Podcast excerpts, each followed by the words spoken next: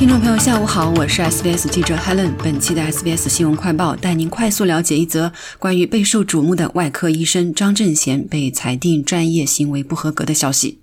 神经外科医生张正贤被裁定在悉尼一家医院为两名患者进行手术时专业行为不合格。经过新南威尔士州医疗投诉委员会的调查，这位明星外科医生在进行特定手术前需要得到另一位专家的书面支持，方可实施手术。这家卫生监督机构调查了与两名被诊断为晚期脑瘤患者有关的投诉。两名患者分别于2018年和2019年在位于悉尼的威尔士亲王私人医院接受手术治疗，术后均未恢复意识。在今年早些时候举行的为期八天的听证会上，张医生被指控误导患者、实施危险手术以及未能充分告知患者或其家属相关风险等不当行为。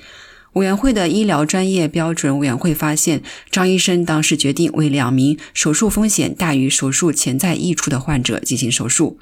委员会发现，他在手术前没有征得两名患者的知情同意，并在手术前向其中一名患者收取了三点五万澳元的不当费用，还在手术后对同一名患者的女儿发表了不当言论。该委员会下令对张医生进行训诫，并对他的从医注册施加条件。张医生将必须获得一位医学委员会认可的神经外科医生的书面声明，来支持他进行复发性恶性颅内肿瘤和脑干肿瘤手术。委员会在周三的一份声明中说，如果书面声明不支持张教授进行手术，他将无法进行该手术。